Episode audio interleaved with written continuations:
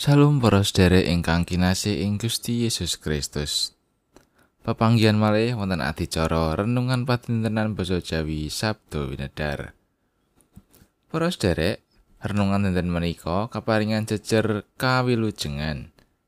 Wawasan kapendet saking Rum bab 3 ayat selikur ngantos tigang dosa setunggal. Saderengipun sumangga kita ndedonga. Gusti Allah Rama kawula ingkang dedampar ing kraton swarga mulya. Kawula ngaturaken panuwun awit berkah paduka ingkang tanpa kendhat kaganjaraken dumateng kawula. Duh Gusti ing wekdal mirunggan menika, kawula badhe nampi sabda pangandika paduka. Mugi kawula kaparingan pepadang lan pangertosan. Satemah kawula ugi kasagetaken nindakaken dawuh paduka ing gesang sadinten-dinten. Angenipun kawula ngecakaken dawuh paduka menika.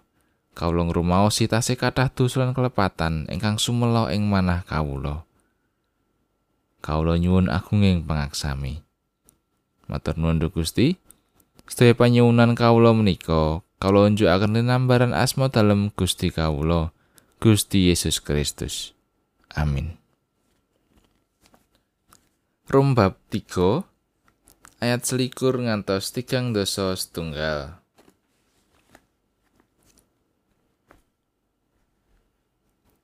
Balik ing saiki ne tanpa angger-anggering toret, kaya kang kapratelakake ing kitab toret lan kitab-kitabe para nabi. Kabeneraning Allah iku wis kalairake. yaiku kabeneraning Allah kang awit saka pracaya marang Gusti Yesus Kristus tumrap kabeh wong kang padha pracaya awit ora ana beda-bedane.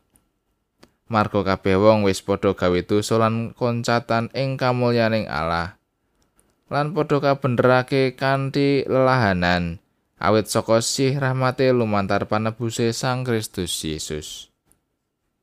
Panjenengane wis dipesthekake dening Gusti Allah dadi serananing karukunan awit saka pracaya marang Rai. Bab iki katindakake kagem ngatingalake keadilane. Sebab panjenengane wis ngendelake dosa-dosa kang wis kapungkur ing wektu kasabarane Gusti Allah. Karsane yaiku kagem ngatingalake keadilane ing jaman saiki supaya tetelo menawa panjenengane iku bener lan uga benerake wong kang percaya marang Gusti Yesus. Yen mangkono, apa dasare gumunggung? Ora ana. Banjur manut waton apa? Apa waton panggawe? Ora. Nanging wewaton pracaya. Marga kita yakin yen manungsa iku anggone kabenerake awit saka pracaya, ora marga saka anggone netepi angger-anggering toret. Karo meneh Gusti Allah iku apa mung dadi Gusti Allah wong Yahudi wae? Apa panjenengane iku dudu Gusti Allah bangsa-bangsa liyane uga? Iya. Panjenengane iya dadi Gusti Allah bangsa-bangsa liyane uga. Tegese menawa Gusti Allah iku siji, kang bakal benerake wong kang padha tetak awit saka pracaya lan wong kang padha ora tetak iya awit saka pracaya. Yen mangkono apa aku padha mbatalake angger-anggerin turet awit saka pracaya? Babar pisan ora aku malah padha njejegake.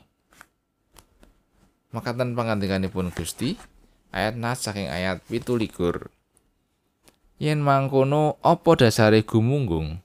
Ora ana. Banjur manut wewaton apa? Apa wewaton panggawe? Ora nanging wewaton pracaya Anggep kemawon kita nggadahi tanggi ingkang celak. Bubawel lan Pak Ramah. Bubawel menika tiyangipun cerewet seneng ngadu. Menawi wonten lare-lare, dolanan bal-balan lajeng balipun ngrinding teng lataripun, Bubawel mesti ngomel-ngomel. Kosa wangsulipun Pak Ramah, piyambakipun menika tiyang ingkang sae sanget. Gerapyak semana mboten pelit. Asring maringi sayur hasil pekawisipun purun biyantu menawi kita mbetahaken. Lajeng kita mbayangaken saumpaminipun bubawel menika dados pandherekipun Gusti Yesus, tentu badhe malik watakipun. Kita lajeng tungaaken. Nggih, kanyata kita klentu. Gusti Yesus sedo ing kajeng salib menika mboten namung ngewahi tiyang mboten sae tetes sae. Bilih saben tiyang ingkang sae lan boten betahaken kawilujengan. Panjenengane rawuh ngluwari kita saking paukuman pati. Sedaya manungsa menika dosa lan sampun kecalan kamulyaning Allah. Malah sampun saking wiwitaning gesang ing kandhutan ibu, manungsa menika wonten ing kawontenan dosa. Sedaya manungsa mboten saged milujengaken dirinipun piyambak, sinaosa tiyang menika sae ing tumindakipun, mboten saged wilujeng. Gusti Yesus rawuh minangka panebus ingkang sejati. panjenengane nawekaken pangapuntening dosa tumrap sedaya tiyang ingkang pitados dhateng panjenenganipun. Sae menika bubawel menapa dene Pak Ramah betahaken Gusti. Tanpa Gusti, tanpa kita pitados dumateng Gusti, kita sedaya badhe sirna. Rasul Paulus ngengetaken, mboten wonten landesan kangge kita gumunggung. awit kalujengan kita mboten amargi tumindak sae utawi awit nindakaken angger-anggering toret ananging sih peparingipun Gusti Yesus minangka tiyang ingkang sampun kawulujengaken kita kedah njagi kawulujengan menika kanthi rasuk gesang anyar peparingipun Gusti Yesus tumindak sae minangka raos syukur dumateng Gusti. Amin.